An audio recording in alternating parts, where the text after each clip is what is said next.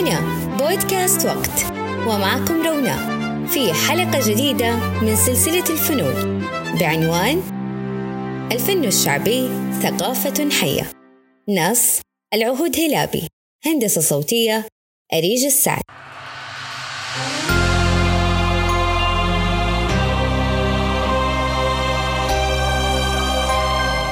كم مرة سمعنا أغاني فلكلورية عاشت معانا كثير.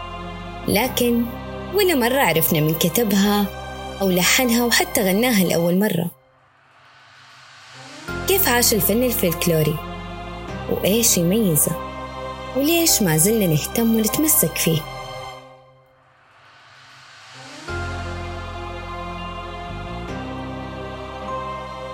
الجواب بسيط. لأنه يعبر عننا ولأنه جزء من ماضينا وتراثنا. ومو بس إحنا. الفن هو إرث يؤرخ حياة الشعوب والفن الشعبي هو أقرب الفنون اللي تعكس عراقة وثقافة أي شعب لأنه فن فطري وظيفي لم ينشأ بغرض الفن بذاته لكنه تحول لفن جمالي بعد ذلك. ففنون الرقص مثلا ارتبطت قديما بالطقوس الدينية فبدأ الرقص في المعابد ثم الطقوس الصوفية ثم انتقل للمجتمع وأصبح يمارس في المناسبات العامة.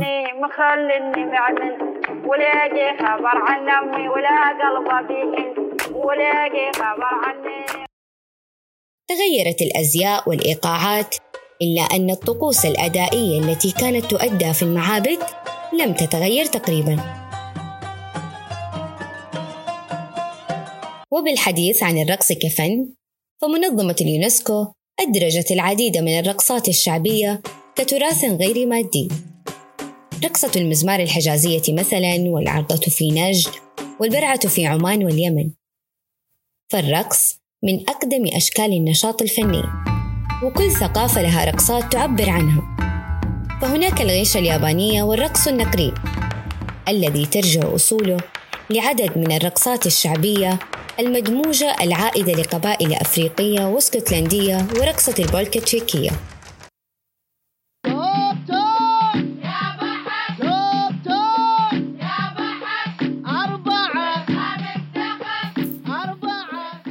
الإنسان بفطرته يميل للجمال والتعبير عن ذاته بصورة جمالية. والفنون الشعبية بجمالها وبساطتها تساعدنا على تقبل واحترام التنوع الثقافي بين شعوب العالم. فالثقافة والفنون من أهم مقومات الحياة ومواطن القوة للدول. المغرب مثلا بلد ثري بالفنون الشعبية.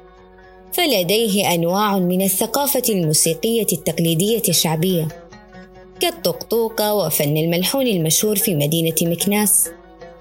حتى أن المرشحات الأندلسية ما زالت تعيش في المغرب حتى اليوم.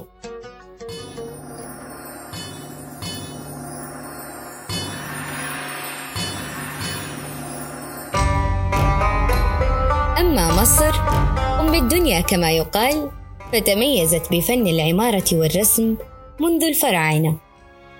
ويظهر هذا الفن في المعابد والآثار الفرعونية. وفن العمارة ما زال حتى الآن يستلهم من الأساليب العمرانية القديمة كالعمارة الإسلامية والشرقية والفرعونية.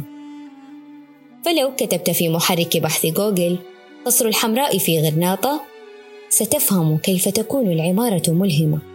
وكيف أن العمارة الإسلامية لم تقف عند حد دور العبادة بل تعدت ذلك لتكون ثقافة عامة تعكس تاريخا ما وتوثقه ليعيش منذ مئات السنين. الفن الشعبي مراية تعكس ماضينا وعراقته ويشمل الشعر والرقص والحرف وحتى الأكل وغيره. والفنون المحكية جزء مهم من هذا الفن. فحكايا ألف ليلة وليلة والسندباد والشاطر حسن والأساطير اليونانية كالإلياذة والأوديسا هي تراث شعبي تم توارثه جيل بعد جيل. من صباي وليه ما يجيب الشعر. يا بنتي يا ولدي فكلنا لدينا معتقدات وحكايات كبرنا على سماعها. قد لا نؤمن بها الآن لكنها تبقى جزء من موروثاتنا الثقافية التي نستمتع بها وقد نمررها لأطفالنا. فخرافة جنية الأسنان التي تأتي لتستبدل السن المفقود للطفل من تحت وسادته بهدية أو ورقة نقدية جزء من الثقافة الشعبية لبعض المناطق والتي هي ذاتها عادة رمي السن المفقود للشمس في ثقافتنا العربية. وهي الفأرة الصغيرة التي استبدلت بها جنية الأسنان في الثقافات اللاتينية والإسبانية.